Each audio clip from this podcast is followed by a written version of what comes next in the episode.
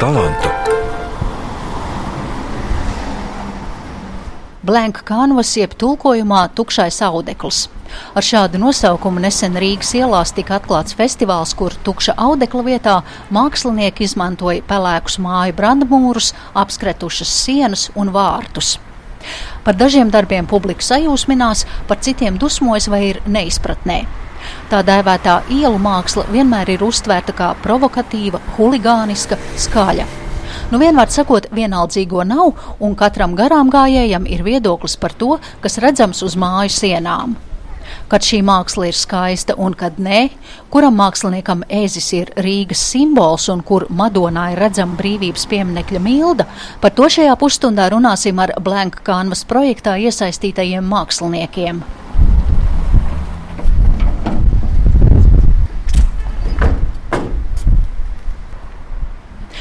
Latvijas iela 39, Kristīgā radio un Baptistu draugu savienības nama pagalms, metāla vārti ar sulīgām geometriskām figūrām.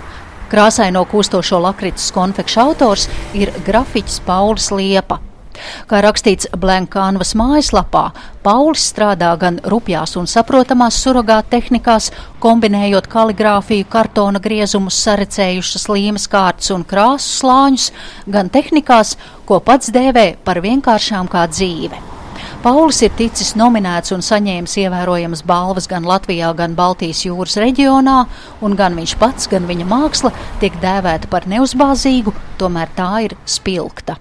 Ja par to tēmu, tad tas ir drīzāk tā mana lakrits. Nu, man ir darbi, kas saucās lakrits viens, lakrits divi un tā tālāk. Tad es vienkārši kaut kā nolēmu, ka tur jābūt kaut kam treknam, vienkāršam, krāsainam. Un tad atradu par labu esam to lakrits arī šitie uztaisīt.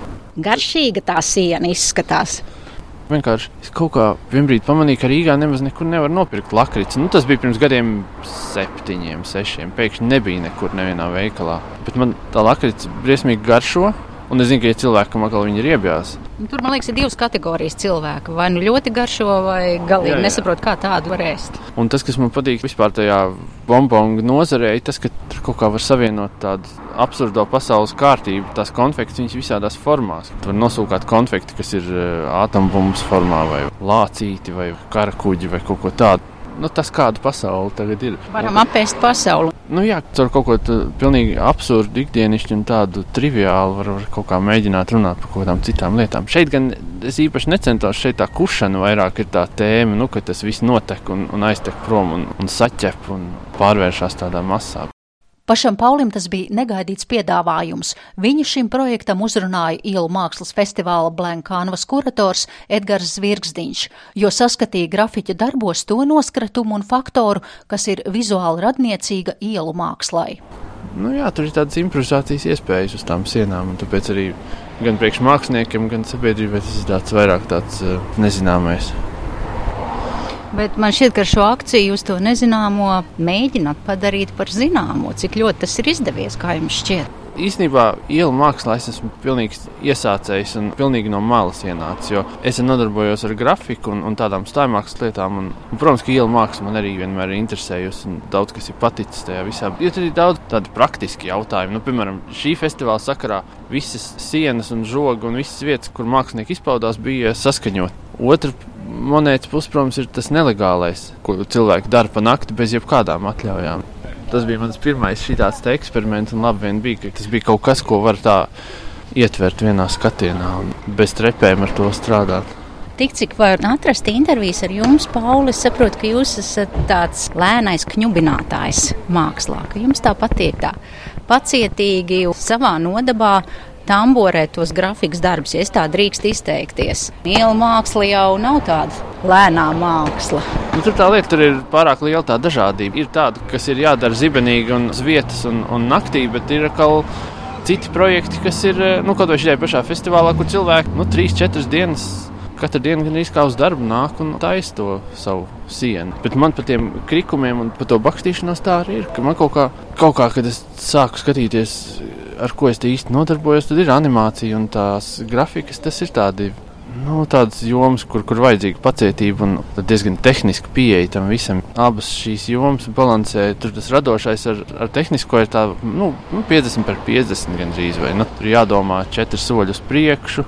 Tur ir jāsaprot, ka no skices līdz tam, ko beigās varēs redzēt dzīvē, jāpaiet vismaz kaut kādai nedēļai, pusotrai. Bet nu, jā, tā ir, ka man kaut kā bieži vien patīk arī iet garāko ceļu. Ja ir kaut kas jāizdara un ir jautājums, kā to uztaisīt, tad es beigās sanāk, ka es eju vislēnāko un garāko procesu. Kā ar šo darbu bija? Cik lēns un cik garš process bija no, no skices vai no idejas līdz reālam rezultātam, apskatāmam uz metāla vārtiem? Te laikam bija divas vai trīs dienas tas darba process kopā. Tur ir jāņem vērā tas, ka šajā procesā es nebiju spējīgs īpaši domāt pat nevienu vai, vai cik gājienus uz priekšu, jo, jo tur ir vajadzīga pieredze. Tomēr zēni, kas ar šo nodarbojās dienā, viņi tomēr jau zina, kādas krāsas, kas ir pirmais jāizdara, kas otrais, ko tu varēsi pēc tam pielabot, un tā tālāk. Jo man te bija cīnīšanās. Pauls ir kritisks vērtējot savu darba tehniku, tomēr atzīst, ka sajūts ielu mākslas garšu un nākotnē labprāt vēl izmēģināt spēkus apdarinot kādu mājas sienu.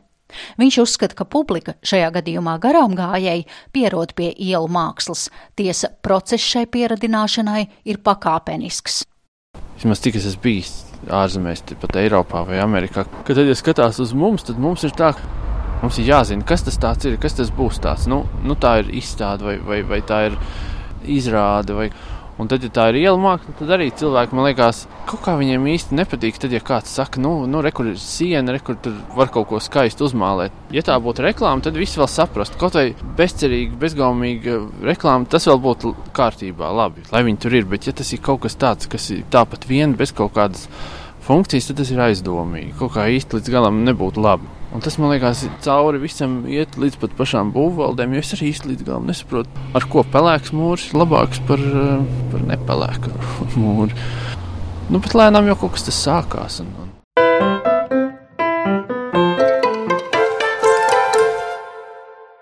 Jebkurā gadījumā mums vienmēr ir izvēle iegādāties baltu krēslu vai melnu krēslu. Tā jau ir viens mazs solis, kurā mēs dizainējam to vidi sev apkārt. Vai priežkoka, vai egļu koka, vai varbūt plasmasas krēslu. Mēs tagad sēžam plasmasas krēslos. Jā, Tā ka viņi bišķiņ, var, var arī viņos uh, pašūpoties. pašūpoties.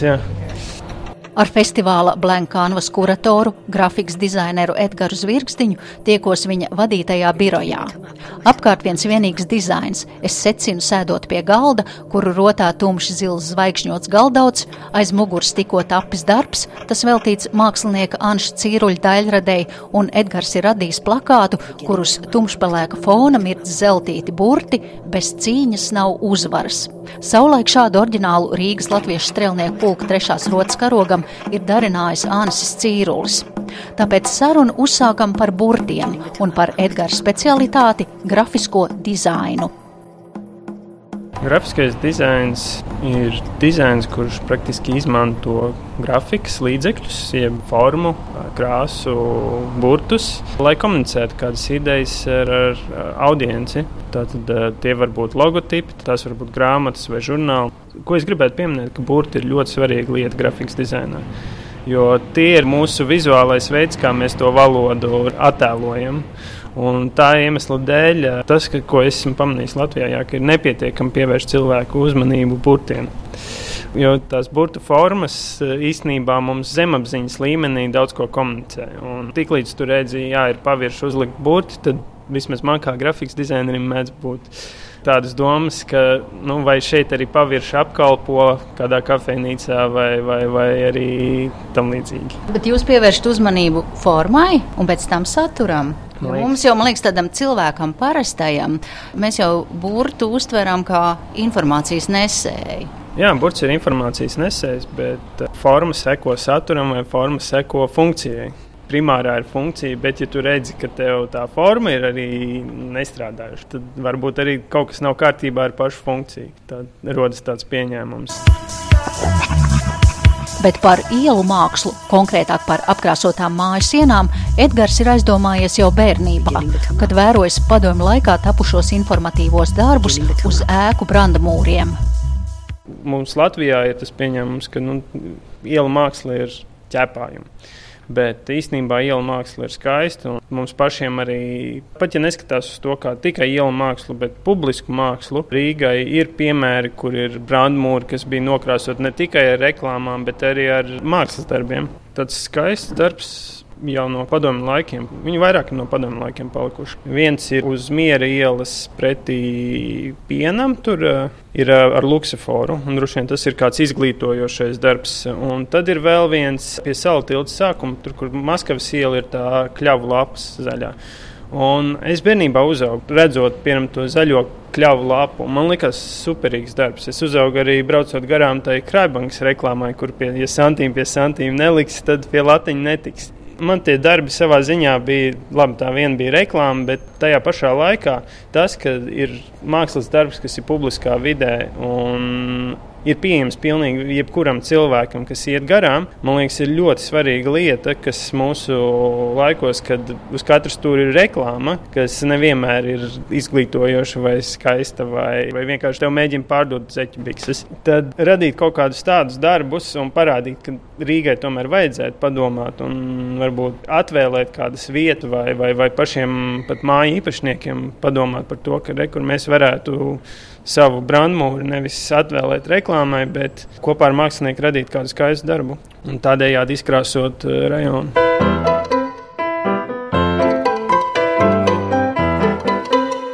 Sākotnējais plāns bija, ka mēs izvēlēsimies skaistas sienas, un tad mēs iesim, noskaidrosim, kam tās mājas varētu piederēt, un tad mēģināsim tā viņas atrast. Diemžēl tas plāns nesanāca, jo tālāk par to, ka zemes grāmatā var uzzināt, kam tā ēka varbūt pieder, bet tālāk īsti ar daudzām ēkām nevar tikt. Un, ja nav tādi resursi, lai cilvēki stāvētu pie durvīm un gaidītu, kamēr kāds nāks iekšā, tad īsti nav iespējams to izdarīt. Tādēļ mēs aptaujājām visus mūsu pazīstamos cilvēkus un, un izsludinājām arī internetā. Dainis Rudens ļoti palīdzēja ar Kivī, kad viņi izlika meklējumu sienas, jo viņi paši priekš saviem darbiem meklēja sienas, bet arī priekš mums viņi atvēlēja kādas sienas, kuras varētu izmantot. Un tad kopā ar māju īpašniekiem jau mēs vienojamies, ka mēs izmantojam. Veicam virtuālo tūri Edgars Zvirkstiņa datorā, aplūkojot dažus no objektiem, kas festivāla laikā tapa Rīgas ielās uz māju sienām.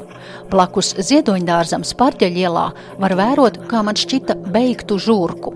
Taču izrādās, ka darba autors, beļģu mākslinieks, tur ir uzzīmējis ēzi. Viņa prāt vienu no Rīgas raksturīgākajiem dzīvniekiem. Tā īstenībā nav beigta žurka. Tā īstenībā tas ir ezītis, kas ir sapinies metāla stieplē. Un viņi ir veidojis viens no Eiropas un pasaules šī brīža slavenākajiem māksliniekiem, Eroā. Roā. Tas nozīmē, ka man būs jāiet un jāskatās rūpīgāk. Man šķita beigta žurka, kas man ļoti šīm eh, noplukušajām koka mājām pieder. Tas nebūtu pārsteigums, ja viņš uzzīmētu arī beigtu žurku, bet viņa tā vēlme ir krasot darbus, kurus jeb eh, krasot dzīvniekus, kas tam rajonam vai tai pilsētai valstī ir specifiski. Lūk, viņam Rīga asociējās, ka ziedoņa dārzs asociējās ar to, ka tur mierīgi varētu dzīvot ezīši. Savā ziņā arī nu, tur ir kaut kāda tā, tā, ne tā tumšā puse, bet tā lieta, par ko padomāt, ir kādēļ viņš ir sapinies tajā metāla stieplē. Kā mēs runājam ar viņu, tad eh, tā viņa doma ir tas, ka nu, pirmajā brīdī tu paieji garām, oh, super, ezītis, piemēram. Bet nākamajā reizē tu paieji garām, ah, bet viņš ir sapinies metāla stieplē. Un tā, lai katru reizi cilvēks atklātu kaut ko nedaudz jaunu. Tajā darbā, kas tur ir. Un aizdomātos, ka varbūt ir jāsavāc aiz mums tie atkritumi. Nav jā, varbūt, jā. jā. jā, runājot par to, kā māju īpašniekiem patīk. Piemēram, interesants stāsts par šo darbu. Tas ir Lubānas ielā 35. Tur divi latviešu puiši strādāja, un viņi tādi diezgan gados jauni, tā ka viņi īsti krievu valodu nemāca. Un nāk viņiem garām dusmīgs džeks ar tādu sasistu seju, un viņi domā, nu, nu būs ziepes. Bet beig beigās kaut kā viņi saprotās, un viņš viņiem pasaka, puiši, cik labi, ka jūs šo te krāsojat, to kartupeli ar diska balu, un ka jūs nesitat cilvēkus. Un tas bija viņiem, nu, viņiem bija mute vaļā par to, ka īstenībā viņi nebūtu iedomājušies, ka lūk, šis Džeks tur ar sasistu seju novērtēs to darbu, bet viņš teica, man ļoti patīk. Ir forši, kāds kaut ko atnes mūsu rajonam. Un tā ir tā lieta, ko mēs bieži vien nenovērtējam. Ir tas, ka jā, nu, kaut kāds tas darbs, tas ienes krāsainību vai jebkādu kultūru nedaudz arī tajos rajonos, kur varbūt tā nav. Nezinu, cilvēki nav pieraduši iet uz galerijām, vai tas viņi neuzskata, ka tas ir vajadzīgs. Bet tas ir tas, ka tu padari to mākslu demokrātisku. Un, un tas arī man lika padomāt, kāda tad ir tā ne tikai tā mākslinieckā pievienotā vērtība, bet arī tas, ka cilvēkiem tomēr rodas emocijas no šiem darbiem. Jo vairāk mēs tādus skaistākus viņus radīsim, vai, vai piemēram, kaut vai iesaistīsim ar cilvēku radīšanā, jo labāk. Runājot par mākslas darbiem, kas top uz mājas sienām, ir jāpaskaidro, ka tas nav grafitī, lai arī šajā projektā piedalās grafitī mākslinieki. Tātad tie nav ar krāsu baloniņiem uzpūsti burti, kas bieži vien ir tikai uzdrīkstēšanās, teritorijas iezīmēšana vai savs kods grafitī cilvēkiem. Es domāju, ka ir jānošķir eh, tās divas kultūras, kas ir iela māksla, kas grib radīt to skaisto, un grafitī, kas atkal ir tieši huligānismā bāzēta eh, kultūra. Es negribu aizvainot grafitī cilvēkus, jo es arī saprotu, kādēļ viņi to dara. Un, un varbūt nu, lielai sabiedrības daļai ir neizprotami tie iemesli, bet nu, tie iemesli ir tiešām tādi, ka viņi to dara, lai iezīmētu teikt, teritoriju. Tā kā suns, ja? Nu, vai kā suns, vai arī kā īstenībā pirms gandrīz 50 gadiem. 40, 50 gadi bija Ņujorkā viens eh, pits piegādātāja puisis, Taki 183, kurš katrā vietā, kur viņš piegādāja picu, viņš uzrakstīja savu Taki 183. Man liekas, nu, tāda bija viņa iesauka. Un tādā veidā viņš īstenībā piefiksēja, kurās vietās viņš bija piegādājis tās pīcis. Un tā kā tas bija diezgan nolaists rajons, tad tā īstenībā aizsākās visa tā tegošana un skricelēšana, kā cilvēki saka aizsākās ar to, bet tā ir cita pasaule. Mums varbūt lielai daļai sabiedrības tā nav izprotama, bet priekš tiem cilvēkiem tā ir pietiekami svarīga. Viņi dzīvo priekš tiem burtiem. Bet šis, tad, eh, ko jūs man rādāt, tas nav grafitī. Tā ir ne, ielu māksla. Tur ir eh, kaut kāds savienojums. Tā ir da darbs, kuru veidoja Hoplūī, kas ir eh, zem mazā krastījuma, zem salu tilta. Bet tā kā viņš ir pieradis pie tā, ka Stokholmā vispār nedrīkst nodarboties ar grafiti, tas nav legāli. Grafiti tur ir, vai, vai ielu māksla tur ir, bet nevar nodarboties ar to. Tad viņš arī nāk no tādas vairāk grafiti aspekta tajā visā, kā no ielu mākslas. Un viņš jau ieplānoja laikus, ka kāds mēģinās pārkrāsot visticamāk pāri viņa darbam. Tādēļ viņš savu darbu izvietoja. Tā ir piecmetrīga siena gar augšējiem diviem ar pus metriem gar augšējo pusi un atvēlēja speciāli noticināju melnu krāsu, atvēlot tā vietu Rīgas grafitī māksliniekiem, lai viņi var krāsot savus burtus tur. Un ka viņa darbs paliek pāri, un uh, grafitī mākslinieki savā veidā ar viņu sadarbojas. Tā. Šobrīd, pateicoties tam, ka Rīga ir šī gada kultūras galvaspilsēta un kad ir šis projekts Blank Canvas par to, uh, šajā brīdī ir gana daudz runāts, un tā iela māksla, es pieņemu, ka ir cilvēki pievērsuši uzmanību un kaut kādā veidā saulītē ir iecelta. Kā jums šķiet, diskusija norisinājās šī projekta ietvaros? Es domāju, ka diskusija pirmkārt vēl nav beigusies. Mums tā lielākā diskusija būs ar nu, būvvaldi un par to, kā mēs vienkārši varētu uzlabot visu to procesu. Šobrīd, lai radītu ielu mākslas darbus, pat mazāka problēma ir ar varbūt, sabiedrību, kur daļa, piemēram, tagad ieraudzījusi Saula pērkons, Daugavu saka, nu, super darbs un, un tādus vairāk. Nu, tad, uh, tas ir pierādījums, ka liela mākslas darbi, kas arī ir iela mākslas veidā tapuši, viņiem ir vieta sabiedrībā. Jautājums varbūt ir par to saturu, kur nu, mums kaut kādas nostalģiski, patriotiskas tēmas lūk, ļoti, ļoti patīk. Bet uh, varbūt, ja tas būtu bijis sabiedrības kritizējošs darbs, kas m, būtu varbūt arī vērtīgs savā ziņā, tur varbūt visi teikt, nē, baigs slikti, baigs slikti. Jā, es domāju, ka tā diskusija vēl turpināsies un mums radot iespējas radīt vairāk lielākus darbus, arī pacelsies gan tā, tā izpratne par to, kas ir laba kvalitatīva iela māksla, gan arī tas, kur vēl ir kādiem nu, tur jātrenējas vai kā. Bet arī tā, par to ir runa, ka iela māksla ir tāda māksla, kuru tu redzi no A līdz Z publikā. Mēs ikdienā nedzirdam sliktos dziniekus, jo kāds redaktors ir viņus izrediģējis. Mēs neredzam sliktos māksliniekus, jo galerijas viņus varbūt neņem pretī, vai, vai viņi nu, nezinu, kaut, kaut kur tikai postē tos savus attēlus. Ir tomēr kaut kāds filtrs lielākajai daļai mākslas, līdz viņi nonāk līdz mums, kā sabiedrībai vai kā auditorijai. Un iela māksla ir tā, kur nav tas filtrs. Mēs redzam pilnīgi visu no pirmā vilciena līdz pasaules meistaram publiski. Tur ir jāsaprot, jā, nu, kā mēs varam to uzlabot, ja mēs gribētu, nu, lai mums tas līmenis uzlabojas. Nu, vai tas ir ar legālām sienām, ka ir sienas, kur lūk, ir atvēlēta, piemēram, man liekas, lieliski ideja būtu, ja tagad ir tieši renovējis salu tiltu un ka to tuneli kas viņam abās pusēs ir, ka to atvēlēt māksliniekiem, ka viņi mierīgi var paņemt savas krāsas, aiziet tur un, un krāsot. Zviedru lektors stāstīja jā, par kādu pilsētu Zviedrijā. Nepabeigtu vai, vai pamestu rūpnīcu viņa atvēlēja ielu mākslā. Pilsēta nav Stokholma, viņa ir ārpus Stokholmas eh, labu gabalu. Un ko viņi novēroja? Viņi novēroja, ka vikendos vietējais veikals, viņiem tāds viens palielāks veikals ir pilns ar jauniešiem. Jaunieši, kur pērk uh, grillus, vienreiz lietojamos alus kastes, ēdienus, nu viss priekš piknika. Un ko viņi ieraudzīja, kad viņi aiziet uz to rūpnīcu, ka vikendos cilvēki no Stokholmas, no visas eh, Zviedrijas brauc tur bariņos, krāsot, cept desiņas. Tur viņiem ir atvēlētas bez satraukumiem tās sienas, un viņi kopā mierīgi pavada laiku un eh, krāso un mācās zīmēt man liekas, lieliski. Un, un tas veicina, piemēram, tai pilsētai ir veicinājis gan ekonomiku, gan turismu. Tas man liekas, lielisks veids. Un, un arī tas, būtu, piemēram, tādu salu tiltu pasludināt par Eiropas garāko legālo ielu mākslas sienu, tas arī atvilktu uz turieni gan pasaulē zināmus māksliniekus varētu piesaistīt Rīgai, gan arī vienkārši kā turisma objekts, man liekas, lielisks būtu. Beginning to come up. Neapšaubāmi lielākais un visvairāk aprunātais ielu mākslas darbs, kas tapa projekta Blank Canvas laikā, bija Saule Pērkons Daugava. Apskatāms Tallinas ielā 46 mašīnu stāvlaukumā.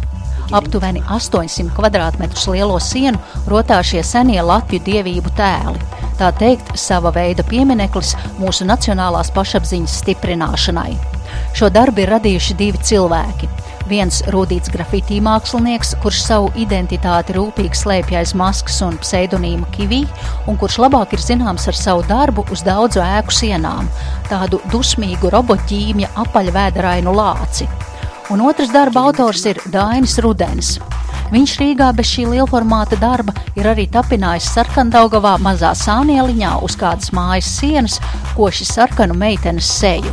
Mūsu saruna par Dāņa identitāti, par piedarību latviešu tautai un par ielu mākslu norit Tallinas ielā pie Sauli, Pērkons un Daugavas sienas.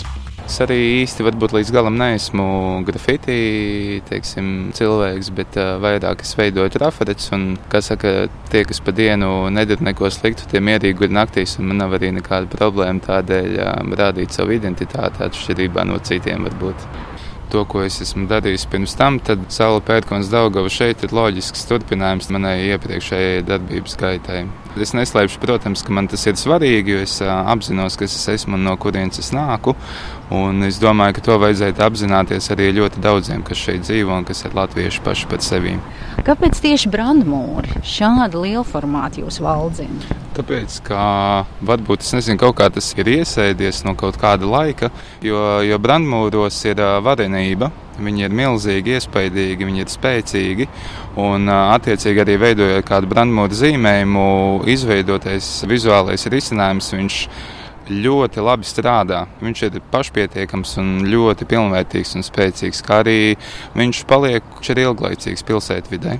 Līdz ar to arī mēs skatāmies pašlaik pilsētvidē, mēs varam redzēt vainu pelēkos brandmūrus vai komercreklāmas un viss tvairim pēdējos gados celtās vai siltinātās mājas, kas principā ir vienādas un atgādina kastes, bet gribās to dažādību un gribās atdzīvināt mazliet to pilsētvidu, jo gan Eiropā, gan pasaulē tas jau ir aktuāli pēdējos 4-5 gadus, kad tiek veidot milzīgi fasāžu zīmējumi uz brandmūriem. Tikai Latvijā tas mums ir vēl mazliet pieklibo, un tādēļ es arī vēlos šo fasāžu kultūru ieviest arī šeit. Jūsu darbs ir arī skatāms Sarkandaugavā. Meitenes, tas jūsu draudzenes seja ir uz viena brandmūra. Šeit Tallinas ielā Saula Pērkons Daugava. Tad, kad jūs šos darbus tapinājāt, kāda bija apkārtējo cilvēku attieksme?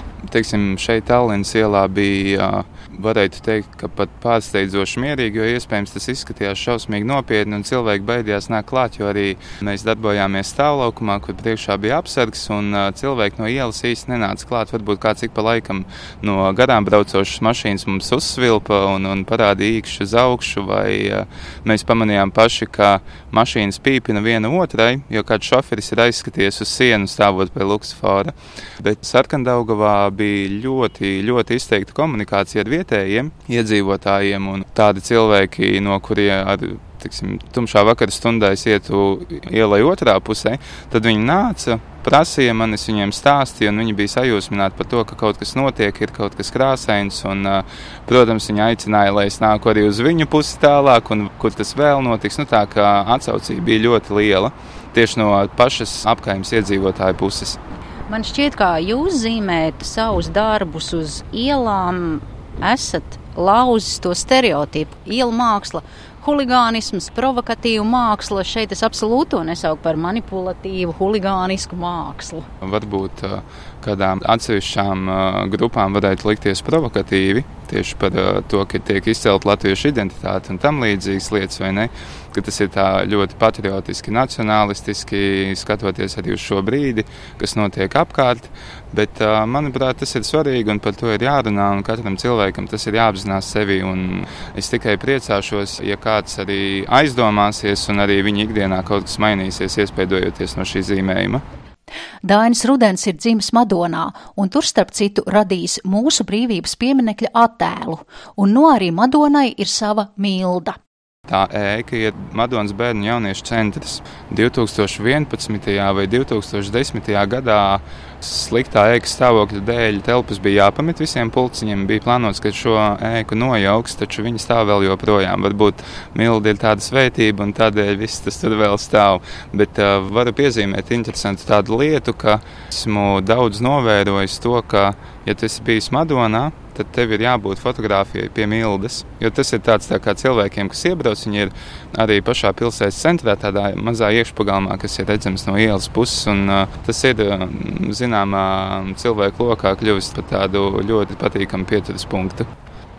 Es kaut kā par to iedomājos, starp citu, tieši tad, kad es biju arī Madonā, to, ka varētu izveidot sauli pērkons Daugavu, jo brandmūris ir milzīgs, ir ļoti liela atbildība par to, ko tu tur uh, izveidosi, jo tas paliek uz daudziem gadiem. Un viens arī no tādiem ļoti tādiem galvenajiem uzstādījumiem bija par to, lai tas nav moderni un stilīgi uz šo brīdi, bet tas ir uh, kaut kas tāds, kas nav šobrīd uh, populārs, bet viņš būs tāpat laikā arī pēc astoņiem, desmit gadiem. Viņi novērtēs, viņi spēs novērtēt, ka viņš nespēs iziet no modes.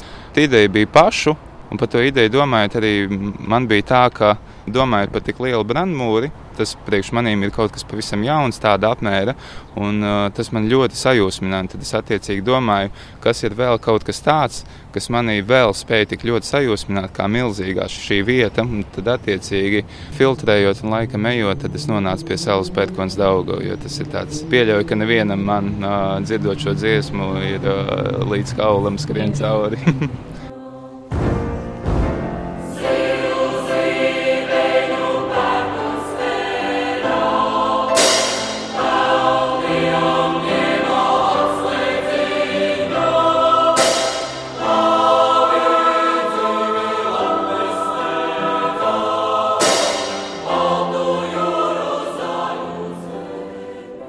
vienīgais, ko var savilkt ar grafiti, ir tas, ka ir izmantots krāsu baloniņš. Bet, tehnika, bet, tā, nu, tas, jā, jā, jā, bet tehnika jau nenosaka žanru.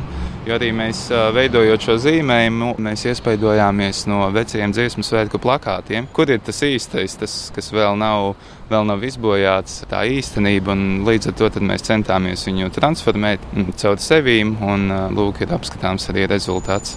Es saprotu, ka, ja jums dotu nākamo brandmūru, jūs ar prieku pamestu savu ikdienas darbu un apzīmētu brandmūri. Jā, Pilnīgi noteikti, jā, jo mans uh, ikdienas darbs arī pārsvarā ir uh, zīmēšana pēdējo laiku, jo tas visu laiku ir bijis hobija līmenī, bet pēdējo gadu jau es to daru kā pilnu laika darbu. Līdz ar to tādēļ pēdējā laikā ir vērojama arī teiksim, kvalitatīvāka vai nopietnāka darba parādīšanās, un es domāju, ka tas tikai ies vairumā. Šajā raidījumā dzirdējāt ielu mākslas festivāla Blank Canvas kuratoru, grafikas dizaineru Edgars Zvirgzdiņu un mākslas darbu autorus Pauli Liepu un Daini Rudeni. Ar viņiem sarunājās Zane Lāce. Viena Rīga, daudz talantu.